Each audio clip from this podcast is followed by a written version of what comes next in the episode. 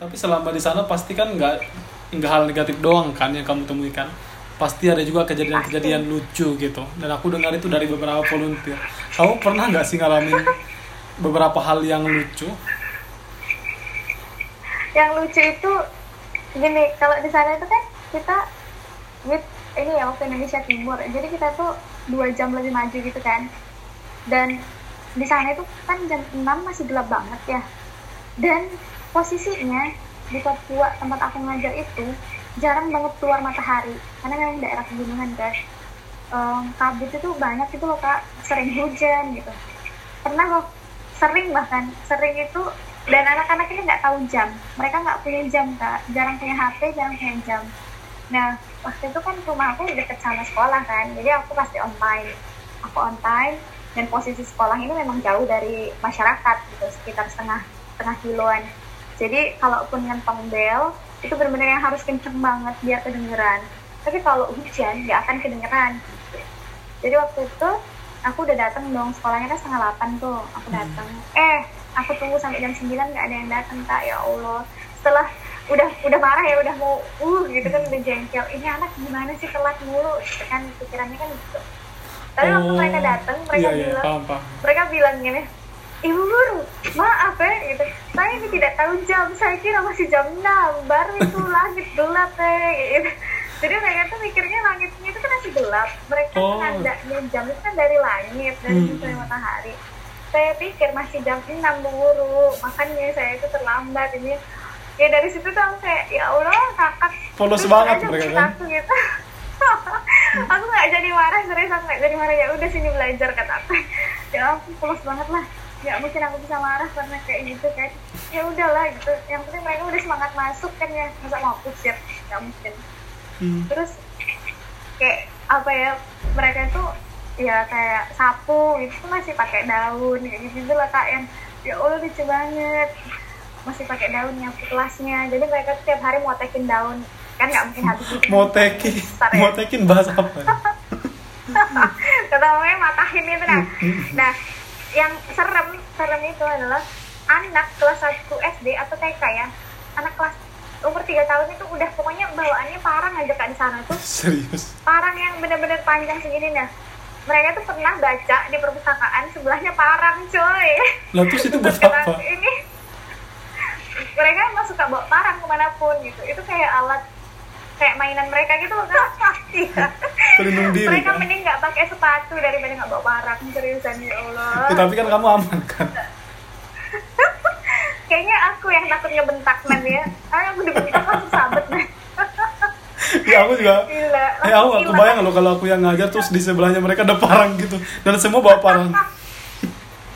kayaknya langsung udah hilang deh besoknya Iya. iya. aduh Jadi kita ngajar kayak harus sabar ya Cip ya. Sabar banget sih dan kayaknya nggak mungkin marah sih muka mereka polos banget kak Iya sih. Tapi aku suka cara mereka Ya, bicara sih. apa Cara mereka bicara aku suka itu- sama aksennya aku suka. iya khas banget kan gitu Iya. walaupun itu bahasa Indonesia itu khas banget pokoknya lah hey apalagi yang pas nawarin babi itu hey nawarin babi waktu mulai mereka gigi untuk pertama kalinya eh sering kak. Lah kan mereka nggak tahu kamu muslim. mereka tahu aku muslim tapi kan mereka nggak tahu kalau muslim nggak boleh makan babi. Masa sih? iya. Terus kamu Ya, ngejelasinnya kalau gimana sih? beda-beda sih. Jadi kan di sana perayaan itu seringnya kali perayaan kan bakar batu tuh. Bakar Hmm. batu pasti babi dong. Nah ulang tahun aja perayaan kelahiran perayaan kayak gitu. Nah eh, sedikit-sedikit pokoknya bakar batu pasti ada babi. Nggak mungkin aku mendekam di rumah karena aku pasti ikut bantu sama mama itu. Hmm. Em, untuk bakar batu itu kan bisa dilakukan pagi baru bisa dimakan itu jam 3 sore. Nah pertama kalinya aku kan nggak tahu tuh aku datang mereka makan aku diem aja kan ditawarin sama anak-anak ibu guru ini gitu kan sambil nyodorin babi gitu. Ini apa? kata saya kan. Itu tuh wangi banget kak dan baunya. Serius lezat banget. Aku nggak tahu itu babi. Aku pegang dong aku pegang. Ini Astaga. apa? kata aku itu babi. Kata waduh kata tapi harus kontrol muka kan nggak boleh yang benar. banget gitu loh. Dikira kan lebay. Terus aku yang oh babi. Wah baunya enak kata ini kamu makan saja. Aku balikin. Loh. Aku tuh nggak kemakan itu ya Allah. Enak banget serius soalnya kan. Terus aku kasihin eh ini ini untuk kamu. Nanti kamu biar cepat besar kan. Terus nanti ada bapak-bapak kan. Di di kesempatan berikutnya itu bapak-bapak yang nawarin ibu guru tidak makan babi kan eh tidak bapak. Saya punya agama itu tidak boleh gitu. terus baru ibu guru ini punya agama jahat tuh larang-larang orang makan enak. Aku bilang eh bapak makan enak itu banyak. Tidak hanya babi. Gitu. iya tapi ini paling enak.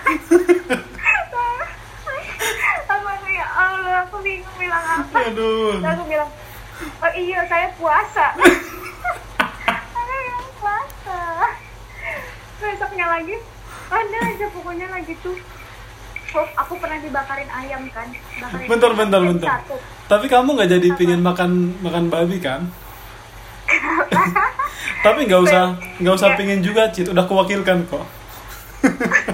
enak ya emang ya enak ya Tergantung cara masak sih. Aku nggak nggak terlalu suka juga sih. Cuman tergantung cara masak. kayaknya Kak Ben harus ke sana deh wangi banget baunya serius enak banget Ya kan kapan-kapan akan aku mau ke sana juga. Ntar aku cobain deh. Terus yang ayam Iya, tadi harus. gimana? kenapa Yang ayam tadi gimana? Oh iya, kan aku bilang aku nggak boleh makan babi gitu. Orang Islam, orang Muslim kayak gitu ini nggak boleh makan babi gitu kan. Oh kalau ayam bisa tuh, dia bisa. Besoknya waktu ada bakar batu dimasakin ayam tapi jadi satu. Dan itu kan masaknya disiram sama darah babi gitu loh kan. Sama aja. Nah terus aku harus makan.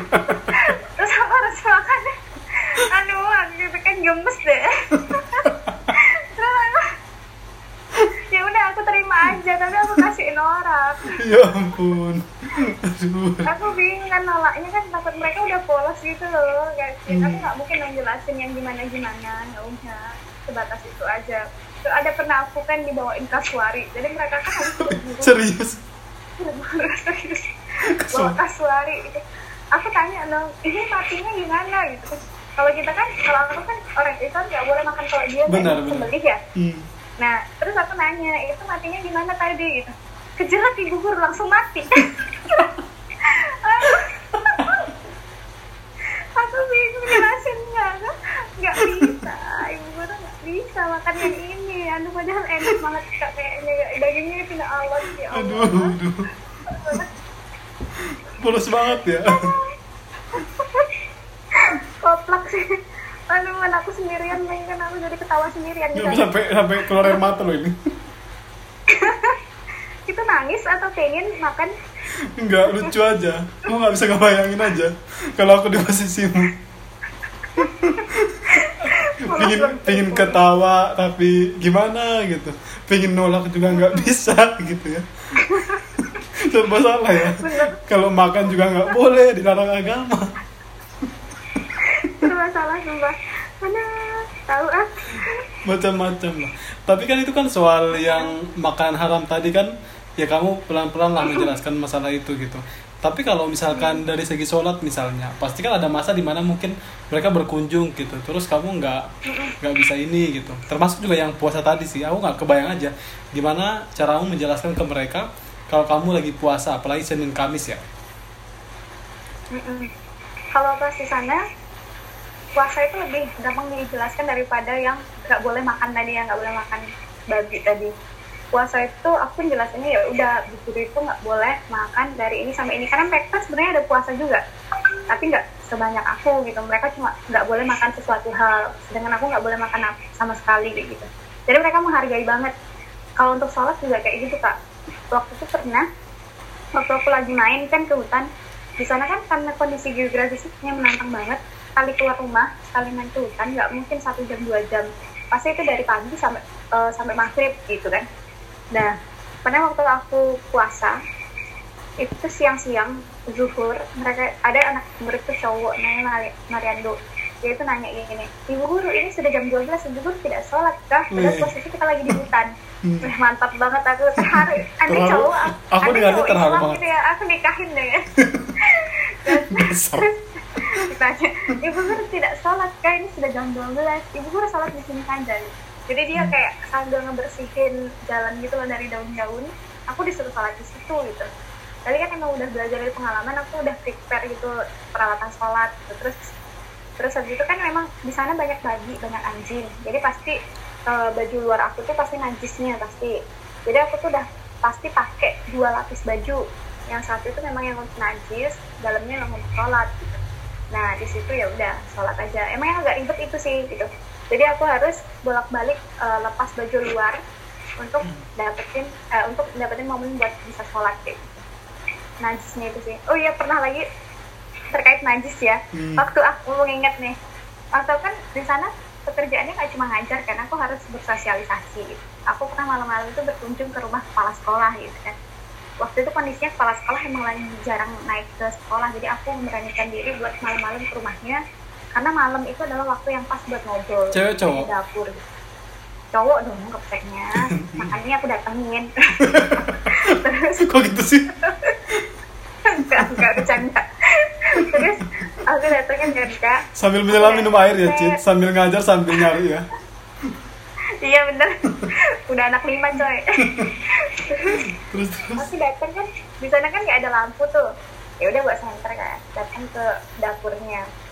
Tret, bapak guru bapak kepala sekolah saya masuk ya. Iyo masuk suruh ibu guru. Ya masuk. Matiin center kan udah ada api unggun tuh di tengahnya kan. Terus dan kita melingkari di api unggun yang bulat di tengah itu. Terus aku duduk di eh, di seberang pak kepsek jadi kita dibatasi oleh api unggun terus aku taruh tanganku ini ke sebelah dong kayak misalnya dari itu lo duduk biasa gitu. Terus di situ tuh banyak kain memang banyak selimut kan. Ya udah gitu aku pas aku pegang-pegang gitu kan waduh kok kayak lembut-lembut nggak lembut gitu ya? Kayak pernah pernah pegang sapu nggak? Sapu sapu sapu yang hitam tuh nah kayak gitu rasanya. Terus habis itu aku senterin kan apa sih ini? Gitu. Waduh ternyata anak babi coy waduh jadi anak babi itu ada di dapur itu tidur bareng mereka gitu ya udah karena aku harus kontrol ekspresi muka aku ya udah aku bilang Waduh bapak kepala sekolah ini punya babi di sini kah? Iya ibu guru itu masih kecil jadi kita taruh di situ. Oh iya mantap sudah ini.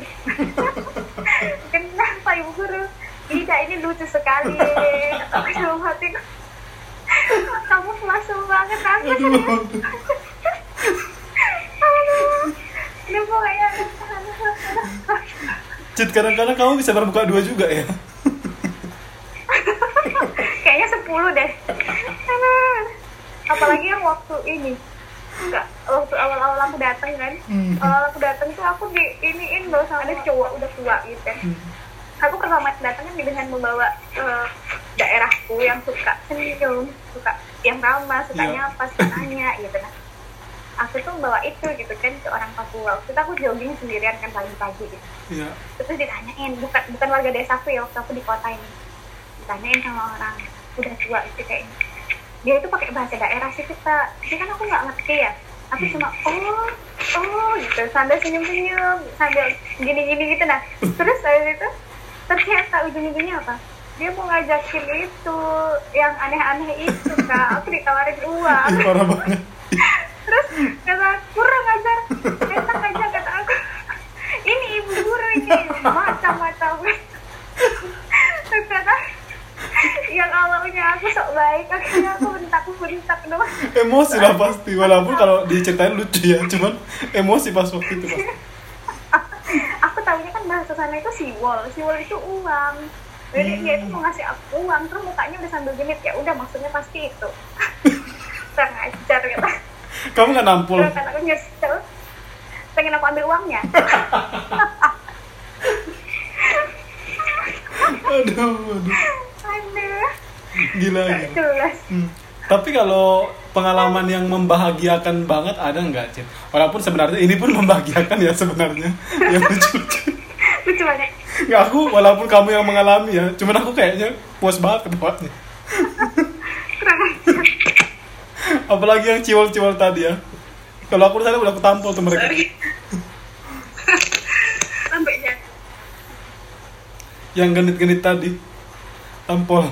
yang membahagiakan Hmm. pengen disentil deh. Oke. Yang membahagiakan itu ketika sama teman-teman setempatan sih kak. Jadi kan kita berdelapan tuh. Satu kabupaten tuh berdelapan tapi ditempatin di desa masing-masing sendirian. Nah yang bikin aku sangat bahagia adalah punya teman-teman kayak mereka semua gitu. Jadi kita sama-sama saling support untuk improve diri kita masing-masing itu. Kita sama-sama nggak saling jegal gitu loh. Jadi kita sangat supportive sekali untuk uh, apa ya istilahnya untuk membuat temennya ini ber, berkembang semaksimal mungkin di daerah gitu kan. Satu tahun itu kan sebenarnya nggak lama ya. Satu tahun itu adalah sekolah kepemimpinan terbaik yang paling berharga dalam hidup kita nanti gitu. Jadi kita sama-sama sadar itu gitu. Walaupun in case uh, adalah dinamikanya ya pasti ya.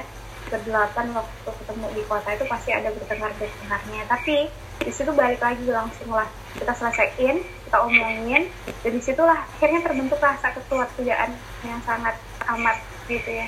Itu yang membuat aku kayak kangen banget sama mereka sampai sekarang gitu. Kayak kalau ada problem pinginnya nyelesain aja sama mereka gitu. Kayak gitu kayak gitu. Itu yang membahagiakan menurutku membahagiakan sekaligus mengharukan hmm. punya teman-teman ya mereka. Memang kalau setahun di sana itu pasti ini sih momen-momen yang life changing banget pasti. Terus nggak bakal bisa dilupain kan? Bener. Tapi apa sebenarnya Cip pelajaran-pelajaran hidup yang kamu dapat di sana? Dari setahun itu ya? Iya um, aku sadar bahwa apa yang menurut kita itu nggak mungkin benar menurut orang lain gitu. Kita juga nggak bisa maksain itu gitu. Semua ada faktor ada variabel yang mempengaruhi dari benar atau salah itu sendiri. Kayak misalnya kasus um, sederhana aja. Kita ke sekolah pakai sepatu kalau di Jawa kan kalau di sekolah lah pada umumnya. Tapi kalau di Papua nggak bisa dipaksa. Uh, geografisnya nggak mungkin bisa. Kalau misalnya anak-anak harus pakai sepatu semua gitu. Dari situ tuh kayak ngerasa bahwa peraturan-peraturan yang ada itu tuh nggak mungkin sakut gitu. Termasuk juga hmm, idealisme aku tentang ini benar ini salah. Itu harus benar-benar yang ditoleransi lagi dan lagi. Kita analisis sebenarnya background dari orang yang mau kita klaim ini salah atau ini benar itu gimana gitu. Dari situ aku banyak belajar gitu. Perbedaan itu bukan untuk memecah tapi untuk mempersatukan gitu. selain itu apa sih selain, masalah toleransi kan? hmm, kalau misalnya dilihat lagi pembelajarannya adalah hal yang kita anggap kecil menurut kita mungkin dampaknya kecil itu bakal berdampak besar banget buat orang lain. Ketika dia yang benar-benar membutuhkan jadi jangan ragu untuk berbagi hal kecil. Bahkan saran-saran dari orang-orang motivator-motivator atau mungkin ahli agama adalah mulailah dari yang sederhana gitu ya karena memang benar-benar iya saya rasakan aku rasain dampaknya di tempat enggak. Kita berbagi nggak mulai dari yang besar nggak mungkin kita langsung jadi donatur gitu kan satu miliar gitu kan kita cukup membersamai mereka uh, membantu mereka merajut kebinekaan membantu mereka untuk meningkatkan rasa nasionalisme pendidikan mereka. Kita kasih kita kasih perhatian di situ aja itu yang sangat memantik luar biasa buat mereka mereka nggak butuh banyak mereka nggak butuh uang.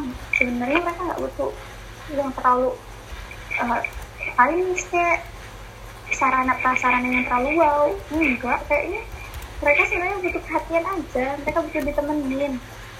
Gitu mereka butuh didengar. Mendengar sih. Aku banyak belajar mendengar dari tahun kemarin. Hmm. gitu, Pak. kadang kan orang mikirnya gini loh Cip. Kalau nggak melihat langsung orang nggak percaya sama dengan istilahnya tiap detik itu ada orang yang meninggal karena kelaparan. Cuman kan orang nggak concern tentang hal itu, gara-gara nggak nggak mengalami langsung, nggak melihat langsung di depan mata. Nah, kamu kan mengalami itu kan, melihat langsung apa yang terjadi di daerah timur Indonesia, khususnya di Papua, yang kami mungkin cuma bisa dengar aja katanya, katanya, katanya.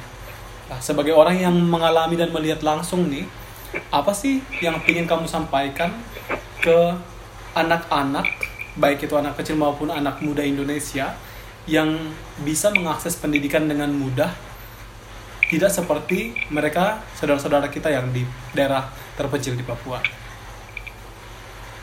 Aku pengen nyampein bahwa orang-orang yang mungkin entah itu makna keberuntungan itu sendiri ada kaitannya sama finance atau fasilitas yang uh, mencukupi ya? Uh, aku mau sampaikan ke mereka yang beruntung buat lebih banyak bersyukur gitu. mereka harus banyak bersyukur dan banyak berbagi gitu. Kita sih khususnya kita ya bukan mereka. Kita yang punya akses yang cukup mudah dalam hal informasi atau dan sebagainya kita juga harus bersyukur dengan nggak gampang apa sih nyalah nyalahin orang gitu loh? Kayak zaman sekarang kan macet dikit marah ini dikit marah. Apaan sih lo gitu? Banyak loh masalah-masalah yang lebih urgent daripada ini gitu. Yang kamu nggak rasain gitu. Ini tuh masalah kecil banget gitu. Banyak orang-orang di sana itu yang rasain hal yang lebih berat kayak nggak bisa makan sehari-hari itu kayak udah susah udah susah banget gitu. Jadi ngapain sih kamu harus fokus ke hal-hal yang masalahnya nggak sepele banget gitu kan? Kenapa nggak fokus ke oke okay, berbagi gitu kan. Berbagi misalnya uh, orang udah misalnya suka baca buku punya media pembelajaran apa di rumah mainan apa di rumah kasihin ke orang gitu kan biar orang rasain hal yang seneng juga. Punya video lucu apa gitu. diajak orang lain untuk nonton gitu. Kalau nggak gitu secara kontinu setiap minggu uh, seminggu sekali nggak harus di timur kan. Ke daerah sekitar mereka aja untuk mencari orang-orang yang kurang beruntung daripada mereka gitu. Berbagilah sedikit gitu setiap minggunya um, untuk para orang dewasa yang sudah punya anak aku pengen uh, kita sama-sama kayak besok melatih anak kita untuk um, tidak segan untuk berbagi. Walaupun itu kecil walaupun dianggap sepele tapi berbagi aja gitu. Untuk anak-anak yang sekarang ini menikmati uh, nikmatnya akses dan juga fasilitas aku mau bilang masalah yang kamu rasain itu nggak ada apa-apanya daripada masalah yang dirasain anak-anak di dalam di pelosok negeri gitu kamu nggak usah sok paling menderita gitu. Ada loh anak-anak di sana itu yang untuk makan aja susah. Jadi nggak usah lah kamu itu lebay. Nggak usah yang sampai bunuh diri kah sampai yang terlalu menghancurkan masa depan gitu.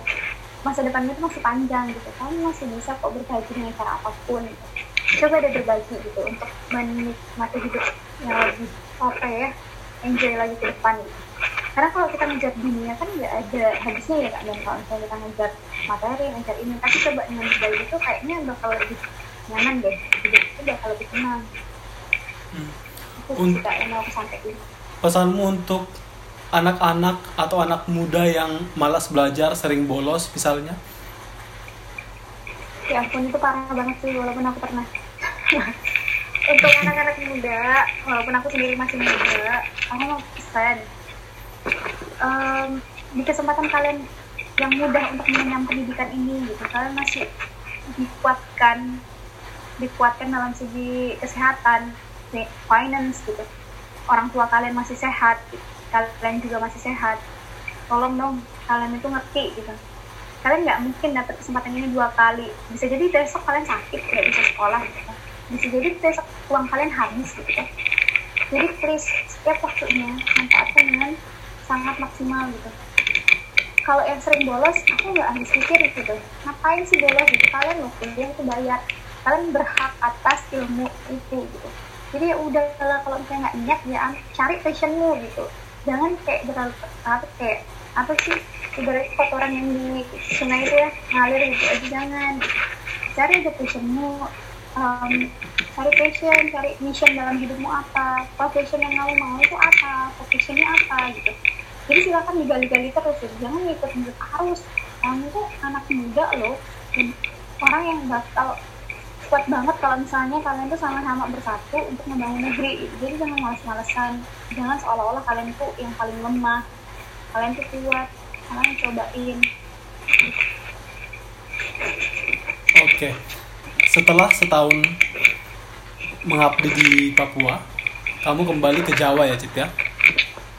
Iya. Terus sempat ke Jawa. Sempat ke kampung Inggris. Apa yang kamu lakukan di kampung Inggris? Berapa lama waktu itu ya di kampung Inggris? Um, di kampung Inggris waktu itu setahun kak. Jadi karena tiket main aku tadi yang dua tahun udah habis sebenarnya, jadi aku cuma bisa sebenarnya di Jawa. Oke, pilihannya adalah Kediri. Kenapa Kediri? Kenapa Pare itu? Waktu itu kan kemampuan bahasa Inggris aku lagi memang lagi bawah banget sampai sekarang juga sih maksudnya butuh terus bikin job gitu. Nah aku sadar bahwa uh, aku harus ke kampung Inggris nih buat belajar gitu kan.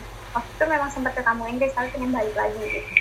Nah uh, efek dari aku di penempatan khususnya Papua itu tuh ngebuat aku harus lanjut studi gitu. Alasannya awalnya aku nggak mau lanjut S2 dulu akhirnya aku menggebu-gebu pengen lanjut S2 nah sedangkan S2 ini sebenarnya aku pengen ke luar negeri kan ya pengen ke luar negeri dan itu butuh uh, kemampuan bahasa Inggris yang baik gitu.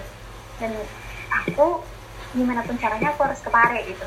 Gimana pun caranya aku harus belajar bahasa Inggris. Nah um, beruntungnya aku dapat tawaran untuk ngajar gitu. Nah memang tipenya aku tuh pembelajar yang baik ketika mengajar. Jadi aku lebih baik itu mengajarkan karena dari situ aku bisa belajar lebih banyak kan. Daripada aku yang belajar ngoyo buat ikut tes itu aku kurang kurang bagus di situ jadi mending aku ngajar aja dulu gitu kan. Sambil belajar pelan-pelan gitu nakaben nah ya udah selama setahun itu aku bukan ngajar sebenarnya malah aku yang banyak belajar gitu.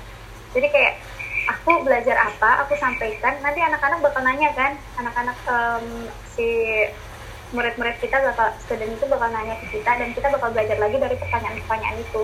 Nah itu yang membuat aku malah belajar lagi dan lagi selama Ari kamu kursus berapa lama di sana? Kamu belajar berapa lama? Waktu 2016 beres kuliah itu aku kursus di Pare awalnya dua bulan terus aku pulang terus aku dua bulan lagi di sana jadi total empat bulan. Hmm. terus di dua pulang dari Papua itu yang langsung ke ke lembaga itu. Hmm. Oh, dan kamu di situ langsung ngajar ya? Nggak nggak belajar lagi ya? Iya kebetulan langsung ngajar tapi yang basic dulu lah. Hmm. Iya ya terus apa yang membuat kamu pingin banget S2 lagi dan di luar negeri um, itu tadi yang pernah aku mention sebelumnya bahwa aku tuh nemu case ini, case ini dan ini gitu ya.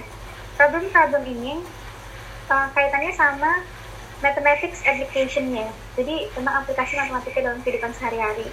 Dan aku bisa nyelesain itu kalau aku ngambil jurusan yang aku belum pernah belajar sebelumnya gitu. Bukan pendidikan matematika, tapi ilmu murninya. Itu lebih ke big data analysis.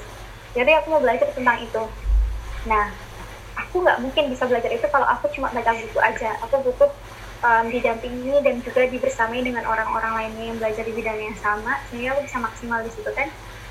Sehingga aku memutuskan, oke, okay, kayaknya aku harus lanjut studi deh. Aku harus belajar deh. Karena orientasiku bukan sekolah untuk mengejar gelar ya, untuk mengejar kerjaan itu bukan.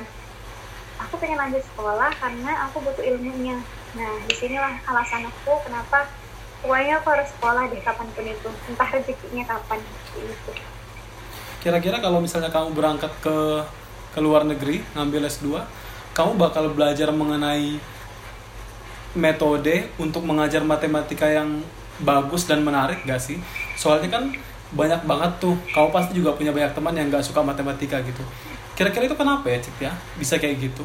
Terus kamu bakal mempelajari metode itu nggak untuk mengubah ketertarikan itu gitu membuat orang-orang lebih tertarik belajar matematika oke kalau terkait metode pembelajaran sebenarnya kan udah banyak banget digembor-gemborkan di Indonesia bahkan guru-guru dari daerah pun sudah didatangkan ke ibu kota untuk belajar metode pembelajaran yang kreatif dan menarik um, akhirnya concern saya sebenarnya bukan di situ kak. Aku mungkin seneng ngajar aku seneng ngebuat anak-anak akhirnya paham tentang apa yang aku pahami gitu. Aku seneng membuat mereka penasaran gitu. Tapi ada hal lain yang membuat aku harus um, lebih fokus lagi gitu. Bukan terkait metode pembelajaran itu lah tapi lebih ke aku pengen tahu aku pengen analisis lebih dalam kebijakan-kebijakan pemerintah di bidang pendidikan itu ngaruhnya apa sih?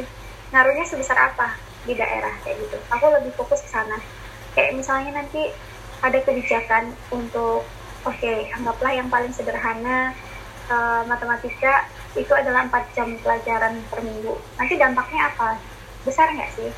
Sehingga dari situ nanti aku akan nemu uh, aku mungkin bisa menyodorkan solusi yang lebih better itu apa gitu jadi aku nggak fokus ke metode ngajar depan kelas kayak gitu gitu itu mungkin aku bisa lakukan tapi ada hal lain yang kayaknya aku harus fokus juga deh sehingga itulah aku tadi sempat mention aku bakal banding setir hmm.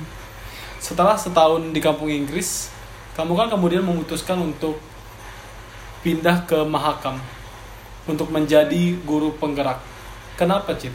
Padahal kan tadi di awal kan kamu bilang kamu masih ingin mengejar beasiswa S2 ke luar negeri. Kalau misalnya kamu pindah kayak sekarang kan berarti kan tertunda lagi dong keinginan untuk lanjut Iya. studi itu. Iya. Sebenarnya kalau misalnya dipikir-pikir iya, kayak aku seolah-olah menunda dan lari gitu loh dari uh, cita-citaku yang sebelumnya ya lanjut studi, lanjut sekolah gitu kan. Tapi sebenarnya ini bukan lari gitu karena uh, kemarin waktu aku persiapan lanjut studi yang tahun waktu aku di Pare itu kan aku sambil prepare essay. Nah di situ kayak aku merasa I'm nothing gitu. Aku masih belum cukup good enough. Aku belum good enough buat uh, jadi worthy di sebuah beasiswa. Gitu. Aku merasa kalau aku generalisir dataku secara global di Indonesia itu belum cukup mewakili. Gitu. Seperti yang Kak Ben sempat mention di awal. Jadi aku butuh data lagi dan lagi gitu. Walaupun kalau dikejar pun nggak habis sih, cuman karena aku melihat ini peluang. Karena Kalimantan Timur kan calon ibu kota ya, dan Mahakam adalah tempat menjadi sumber penghasil migas terbesar di Indonesia ataupun di dunia ya lupa. Dan di situ aku kayak ngeliat wow ini daerah pasti potensial banget gitu. aku nggak bisa kalau nggak langsung eksplor ke daerahnya gitu. Tahun itu bukan apa-apa kok kalau untuk nunda gitu. Kenapa enggak gitu? Kalau misalnya setahun ini memang berharga. Jadi eh, aku pakai setahun ini buat nambahin memperkuat sebenarnya memperkuat alasan aku buat lanjut studi itu tadi. Bener nggak sih gitu bener nggak sih aku harus lanjut studi? Kayak menjawab pertanyaan sendiri aja. Hmm. Yang sampai sekarang ketemu nggak jawabannya? um, sema- sebenarnya awalnya kan aku sempet ragu buat ngambil jurusan ini kak. Karena ini jauh banget dari jurusan aku sebelumnya. Ya nggak banget sih. Cuman kalau di Indonesia itu kurang famous gitu loh. Kayak baru-baru aja. Dan aku sempat ragu karena aku takutnya aku nggak cukup pintar ya untuk um, aku nggak cukup kompeten lah di bidang ini gitu. Aku takut um, apa yang aku ambil ini nggak nyelesain apa yang aku mau selesaiin gitu. Aku cukup insecure di situ. Nah akhirnya aku semakin ke sini aku semakin tahu gitu. Kayaknya iya deh kayaknya memang bener deh harus pakai ini gitu. Kayaknya nggak ada cara lain gitu. Aku bisa nyelesain apa yang aku mau selesaiin kalau aku mau eh, aku ngambil jurusan yang ini gitu kalau aku lanjut studi ini ya walaupun nggak tahu lah ya nanti keterima apa enggak kan yang penting kayak itu jadi alasan kuat dan menggebu-gebu gitu untuk tetap lanjut tetap memperjuangkan lanjut studi walaupun udah ketunda beberapa tahun kayak gini gitu. Hmm. Dan sekarang kamu kan di kan? Tantangannya sama-sama berat atau lebih berat di situ? Apa lebih kecil daripada yang kemarin di. Papua? Um, kalau dibilang berat mana nggak bisa ya karena keduanya beda alat ukurnya. Kayak waktu di Papua misalnya aku ke mana-mana bisa pakai jalan kaki walaupun harus nempuh uh, 3 sampai 8 jam lah hitungannya kan. Tapi kalau misalnya di Mahakam ini aku mau jalan kaki juga kan nggak bisa. Apa-apa kan harus uh, apa-apa kan air gitu. Aku ibaratnya aku hidup di atas air gitu. Aku harus pakai kapal ke mana-mana dan aku butuh bantuan orang buat naik kapal itu nggak mungkin aku bisa sendirian. Jadi kayak yang awalnya aku sangat semandiri itu di Papua gitu aku terbiasa dengan diriku sendiri. Dan di sini tuh aku nyadar gitu aku tuh butuh orang lain gitu buat um, ngelakuin sesuatu gitu. Jadi tantangannya itu sih kayak yang awalnya sendiri akhirnya mencoba untuk oke kerja bareng gitu. Kerja bareng ngelakuin ini bareng-bareng. Gitu gitu sih kak. Terus selain tantangan transportasi kalau masalah sinyal kan enak di sini ya daripada di Papua. Jadi di sini tuh aku cukup eh, pergi aja ke Empang atau ke apa sih Tambak ya itu udah ada sinyal. Kan ada tower di situ. Tapi emang towernya sering mati sih kalau lagi ada case. Hmm. jadi ya udah tapi seenggaknya itu lebih eh, lebih apa ya lebih manusiawi lah daripada di Papua. Ya Hmm. itu untuk masalah sinyal. Em, kalau untuk anak-anaknya mungkin beda jauh sama di Jawa ya aku ngelihatnya maksudnya mereka cukup mendapatkan pendidikan yang baik di sini daripada kalau aku bandingin sama yang di Papua ya. Itu jauh. Jadi anak-anak di Papua memang tertinggal cukup jauh daripada yang di sini. Tapi bukan berarti di sini lebih baik daripada di Jawa gitu. Kayak middle jadi di tengah-tengah gitu loh. Kayak gitu kak. Tapi tantangan terbesarnya apa berarti di Kalimantan tuh? tantangan terbesarnya adalah kondisi geografis yang akhirnya berdampak pada um, apa ya sarana bukan sarana sih aku nggak mau ngomongin sarana ataupun sistem lebih kepada kayak gini misalnya di sini tuh kan nggak di sini kan terdiri dari beberapa desa ya kak dan terpisah-pisah gitu loh sekolahnya adanya di tempat aku aja. Jadi kalau kemarin sempat ada case di mana SM, SMA gini ceritanya. Di tempat aku kan awalnya nggak ada SMA terus empat tahun lalu itu ada namanya SMA filial atau kayak SMA rujukan dari sekolah induk gitu loh. Bukan SMA negeri SMA filial. Nah waktu angkatan pertama itu banyak banget anak yang masuk jadi mereka tuh angkatan tua-tua yang udah putus sekolah akhirnya bisa sekolah karena ada SMA filial itu tadi. Nah tahun ini kabarnya SMA filial ini bakal ditutup gitu. E, bayang nggak sih bakal ada anak yang putus sekolah lagi di SMA-nya aja? Banyak anak yang terancam gitu kan. Anak hmm. yang terancam nggak bisa lanjut studi gitu. terus kenapa ditutup uh, tadi cit kenapa? Kenapa mau ditutup? Banyak guys lagi-lagi dana ya. Lagi-lagi ada masalah kesalahpahaman gitulah yang belum bisa di share karena ya politik lah kayak gitu. Hmm. nah akhirnya harus ditutup. Intinya antara sekolah induk sama sekolah yang ada di tempat aku kayak gak connect gitu loh.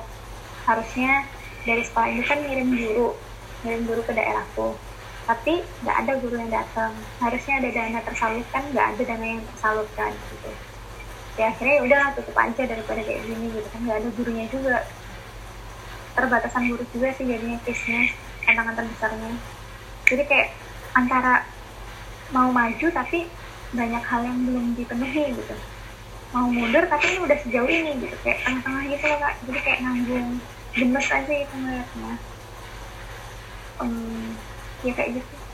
Hmm. tapi akhirnya tahun ini bakal dibuka PKBM kok. Di pusat belajar anak pusat belajar kayak gitu gitu. Kayak homeschooling. Hmm. Insya Allah bakal dibuka kayak paket C semacam itu. Jadi anak-anak di Tanimbar itu eh anak-anak di desa aku tuh tetap bisa lanjut jadi walaupun dengan paket C. Hmm. Tapi berarti untuk meyakinkan atau mengajak siswa-siswanya ke sekolah itu nggak nggak sulit lah ya. Karena kan mereka udah udah lumayan lah udah menengah lah istilahnya. Nggak iya nggak sesulit yang di Papua. Tapi memang ada juga yang kayak apa sih sekolah itu kayak ya udah datang duduk gitu. Kalau nggak sekolah ya udah nggak apa-apa gitu loh kak. Hmm. ya udah kayak gitu. Sedangkan ini tuh kayak desa binaannya si lembaga boleh dimention nggak sih di sini? Nggak ya? Boleh boleh boleh aja. Nah, oke. Okay, ini kan salah satu daerah binaannya Pertamina yang mana pengen jadi um, teladan lah, jadi unggulan, jadi contoh. Jadi kayak mau ditarik, mau ditarik jadi bagus, tapi masih susah gitu. Tapi mau ditinggal juga sayang gitu, udah bagus kayak gitu. Udah banyak prestasinya lah di sekolah gitu. Jadi kayak sayang aja gitu. Tengah-tengah gitu. Maju, susah, susah tapi kalau di Papua tadi kan kamu bilang kamu ngalamin berbagai hal yang lucu-lucu gitu ya apalagi kan di sana kan kamu yang istilahnya minoritas dan mereka nggak nggak terlalu paham dengan istilahnya apa ya keyakinanmu gitu kan nah kalau di kalau di Mahakam kan Mahakam? ya kalau di Mahakam kan pasti nggak mengalami hal-hal yang kayak tadi di Papua tadi kan yang lucu-lucu tadi mm. hmm, tapi ada nggak sih kejadian lain yang lucu yang berkaitan dengan hal yang lain juga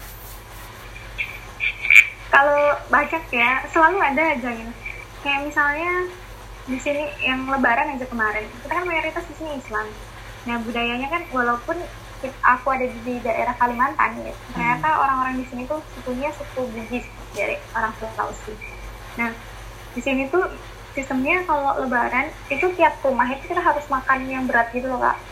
Makan satu piring hmm. nasi gitu. Nah bayangin kalau satu hari itu aku 10 rumah berapa piring aku habisin kan terus? Langsung auto besar gitu. Kamu nggak bawa plastik? habit habit ya. Nggak apa-apa. Ya sepuluh piring nggak apa-apa. Harusnya kamu bawa aku aja iya ya kan langsung habis ya. nah, bisa bisa aja habit kayak gitu terus kayak kemarin itu apalagi kalau di sini kan green zone ya jadi masih yang aman-aman aja sebetulnya. Hmm, tapi kondisinya masjid itu cukup jauh dari rumahku. Jadi kayak aku yang harus ke masjid sampai gelap-gelap kan nggak ada lampu ya gelap-gelap daerah bakau. Terus kak kak Ben bisa bayangin kalau misalnya tiba-tiba ketemu buaya gitu kan. Iya itu yang aku buaya tanya. soalnya di sini kan kayak aku tuh buaya terus ya udah kayak aku seremnya tuh bukan serem serem yang gimana gitu tapi serem sama yang satu itu. Iya makanya. saya kan di sini kan kemarin kan kamu kan pernah pernah sempat story kan masalah buaya gitu dan itu dekat banget gitu. Aku nggak bayangin kayak gini. Kalau aku di kampungku cuman istilahnya bilang er gitu yang datang kan ayam kan. Kamu er yang datang buaya. Astagfirullah. iya, bayangin deh. Ya Allah, aku kan sering banget tiba-tiba jalan gitu kan, jalan di Empang gitu, eh di Empang. Kan kita kayak kayak di Jawa itu mungkin sawah ya, Hmm. jalan lewat jalan sawah. Waktu udah lewat jauh, baru ketahuan ternyata tadi ngelewatin sebenarnya ada buayanya gitu. Serius. Terus kalau nggak gitu, kalau nggak gitu biawak sih yang banyak ya. Kalau buaya kan dia malam-malam aja munculnya. Kalau siang tuh mungkin dia berjemur aja Hmm. kalau biawak ini selalu aja kadang ngagetin gitu loh kita lagi jalan kan dia tiba-tiba yang so agresif gitu gruk gruk gruk gitu lari-lari. Santai aja kali. Tapi ya udah nggak usah ngagetin gitu biasa aja. Aku lu cuma numpang kan ibaratnya gitu. Jadi mereka tuh yang so agresif gitu. Apalagi ular belum kan. Eh pokoknya kalau reptil memang udah ahlinya deh kayak di sini. Banyak banget reptilnya kak. Terus belum lagi kan Kak Ben pernah nggak ngerasain di sini? Kan WC-nya WC cemplung gitu ya? Wes siapa Tahu nggak WC cemplung? WC cemplung, oh iya tahu tahu tahu. WC cemplung yang langsung ke air gitu. di kampungku Ya, masih gitu dulu kayak- Mek ah Cid. Masih. Iya masih. Ya. Zaman zaman kecil tapi kan itu kalau di kampung kami nggak ada tutupnya loh Cid. Nggak ada apa ya? nggak ada tutupnya cuman ya kelihatan. Eh, aneh kan? Kok kayaknya serem di situ ya? Iya makanya. Cuman dulu kami nganggapnya biasa aja apalagi aku gitu. Sekarang aja baru jijik Aku yang kaget Kak, ya Allah. Maksudnya aku tuh merasa, ya Allah nanti kalau aku aku buang air, terus nanti orang lihat itu gunung di atas air gitu kan. Pikiranku kayak gitu. Ternyata nggak sampai dia keluar kan udah ada ikan supit kan. Tahu nggak ikan supit? Nggak tahu. Tahu nggak ikan supit? Itu ikan yang makan makan kotoran kita. Oh. Dan dia suka nyumpit gitu loh. Jadi kayak ibaratnya kayak di WC WC hotel yang ada semprotan. Nah dia tuh suka nyembur gitu. Tiba-tiba tiba-tiba nyemprot gitu kayak ya Allah ini ikan kagetin banget apalagi pagi-pagi kan ya ya Allah ini Astaga. ya. Hmm. Ini kayaknya audiensku yang lagi makan sambil dengar podcast ini terkejut nih dengar cerita kita. sorry ya jangan jijik please Tapi nggak apa-apa, kan kita kan ini mantan-mantan Eh, kalau orang yang suka kesehatan kan. kalau masuk iya sorry ya ya ampun Tapi kamu ini nggak sih, kalau soal ini Tiap ngelewatin buaya, ular, atau reptil-reptil yang lain, kamu ngasih snack gak? Kacang-kacang gitu. ngapain Emang kebun binatang? aku aku ngasihnya sapi dong Atau kamu ngasih tanganmu sendiri, ini makan nih, cicipin.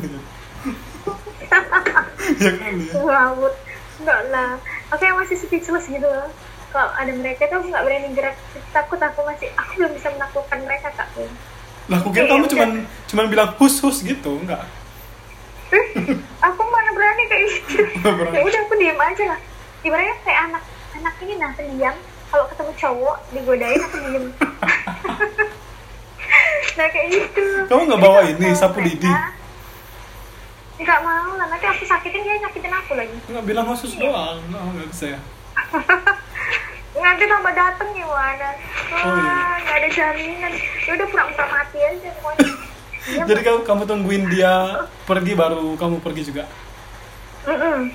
Nah, kalau dia nggak pergi, berani aku gerak ya aku diem aja pokoknya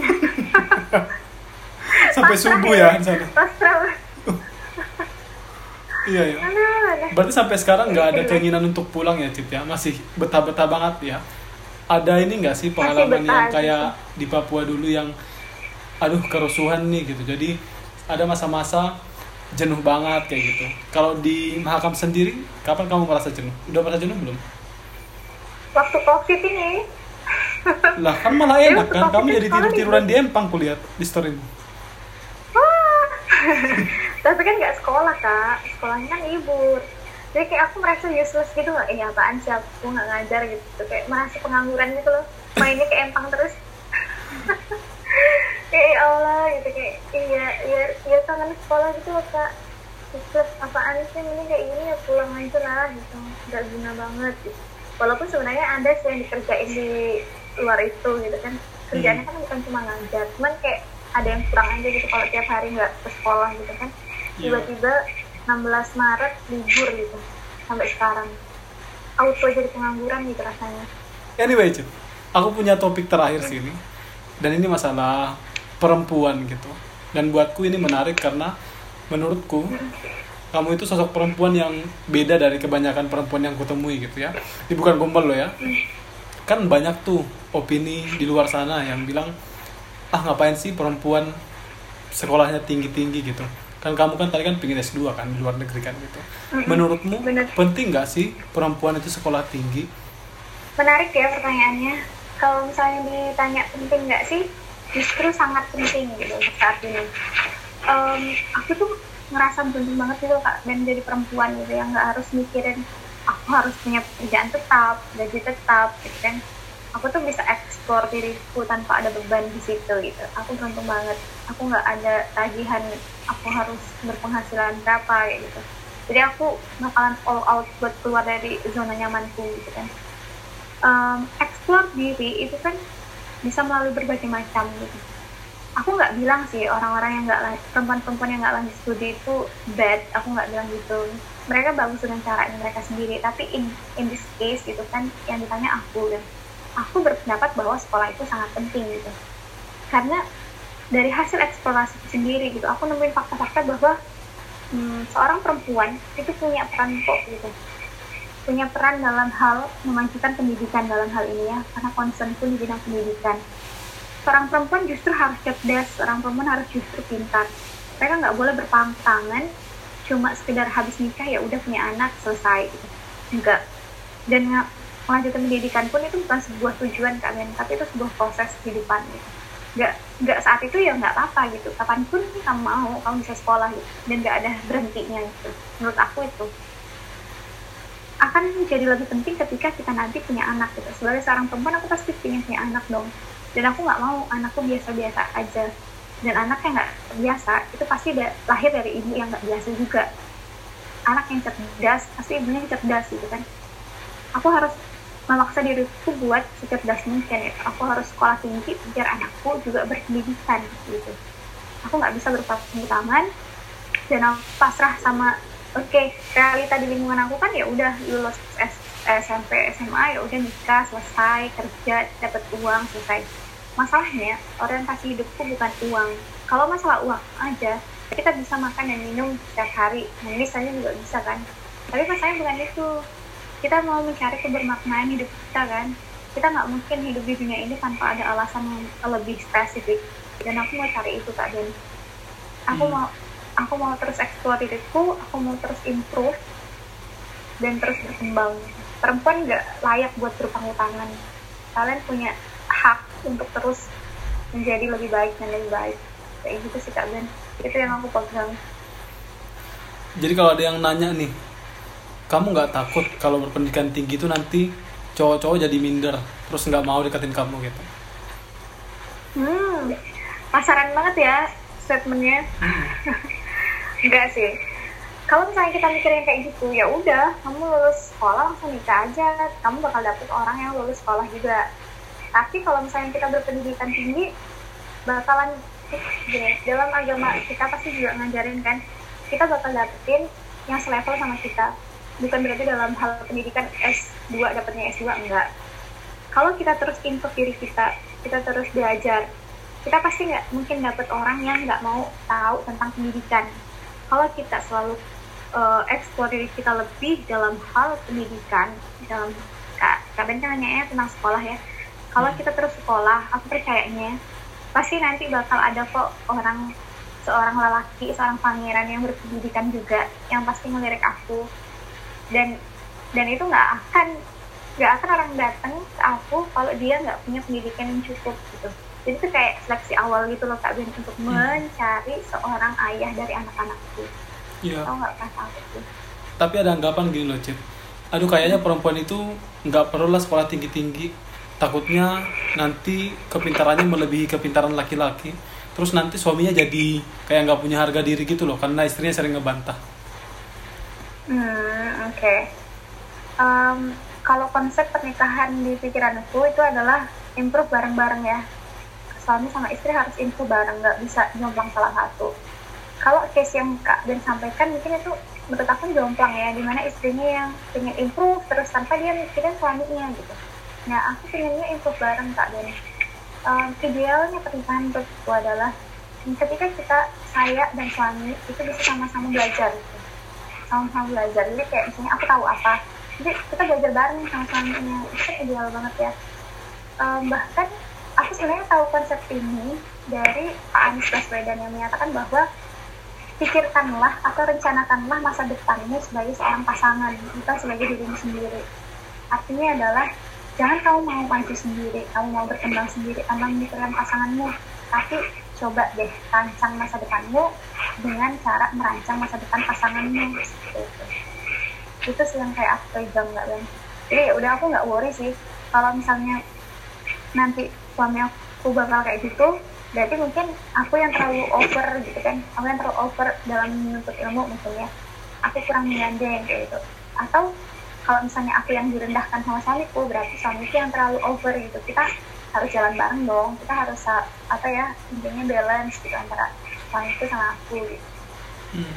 Kamu dari tadi kan membicarakan masalah improve barang-barang, belajar, belajar, belajar kayak gitu ya. Kalau ada yang nanya nih, Cid, kamu nggak capek belajar terus? Ini mau S2 lagi gitu. ya ampun belajar itu asik banget kan men gitu kayak apa sih anaknya nggak belajar gitu belajar itu kan gini eh, kemarin aku sempat nemu konsep ikigai ya pernah dengar nggak ikigai Belum.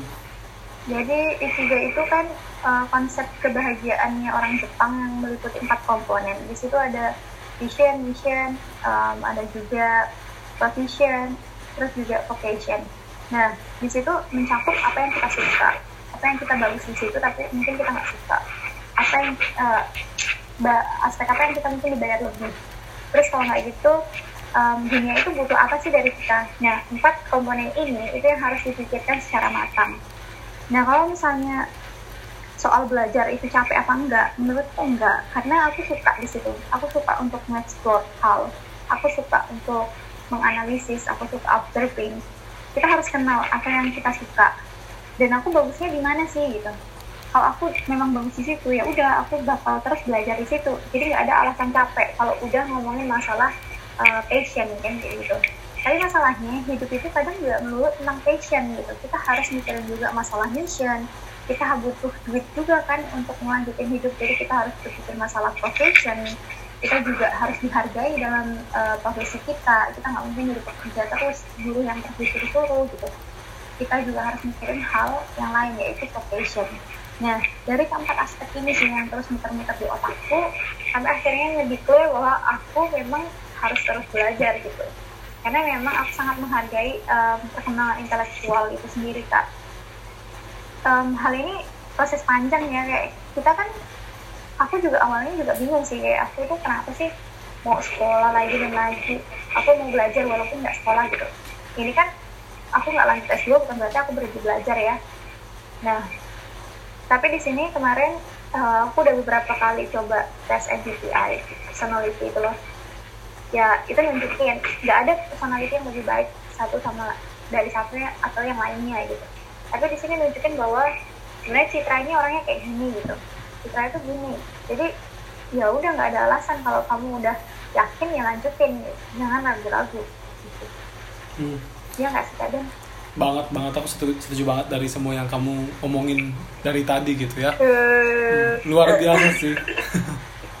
oh Cid. iya Sebelum kita tutup, soalnya ngomongin masalah aku ya biasanya kan kita ngomongin masalah orang jadi nih ya gibah ya. Ya enggak lah. Hmm, Sebelum aku tutup ya Cid ya.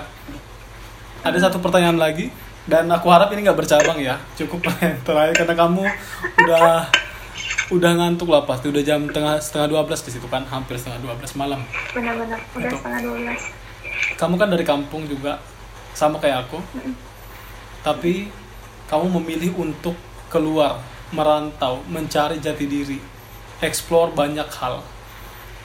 Itu bukan cuma untuk pribadi, tapi untuk banyak hal, untuk orang-orang di lingkungan, untuk orang-orang istilahnya di negara ini juga menurutku. Pesanmu apa untuk anak-anak muda, khususnya yang berasal dari kampung, biar mereka bisa merajut mimpi dan berani untuk mengejar itu semua dan berani mengubah hidup. Oke. Belajar dari yang udah aku jalanin sendiri ya.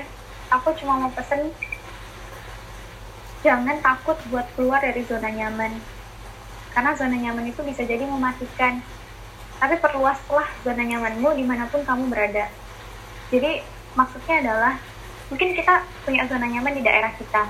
Kita merasa aman, kita merasa udah cukup. Tapi jangan berhenti di situ aja. Kamu harus explore dengan cara memperbanyak atau memperluas zona nyaman tadi. Kamu bakal dapetin hal lebih ketika kamu berani melakukan yang lebih. Tapi kamu bakal dapet yang standar ketika kamu melakukan yang standar. Percaya itu, aksi reaksi. Jadi, jangan pernah takut.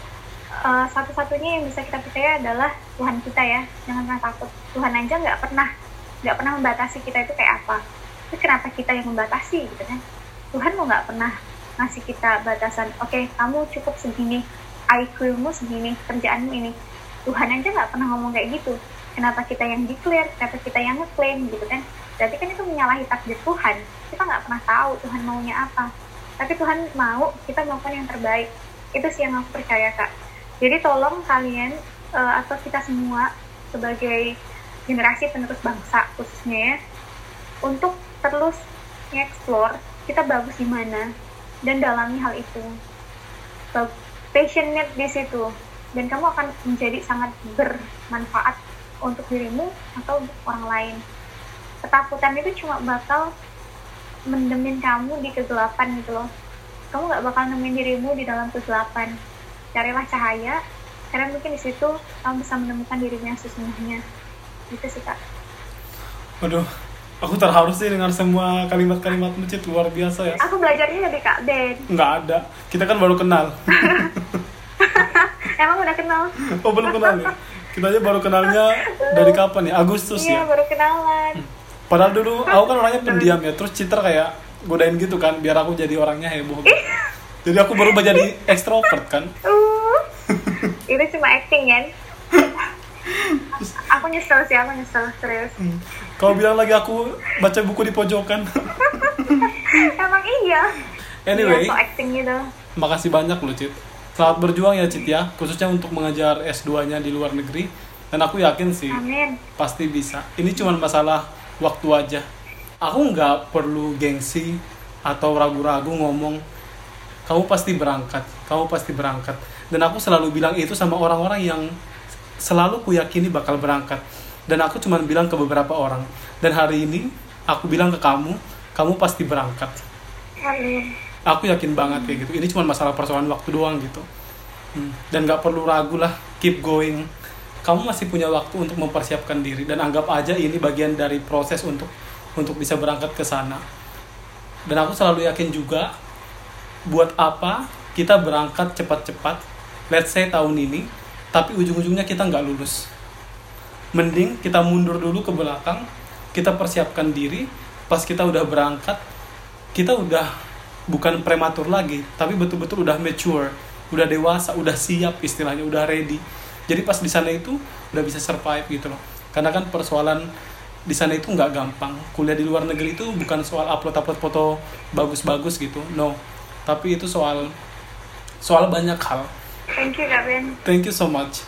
Kapan-kapan ya lagi ya. Aku bakal ngundang kamu lagi di podcastku berikutnya, tapi harus dengan status yang berbeda. Insya Allah, amin, amin, amin, amin, amin, amin. Doain aja kak. Amin, amin, amin. Makasih banyak pokoknya, makasih banyak. Thank you banget. Hmm. Keep inspiring. Iya kak. See ya.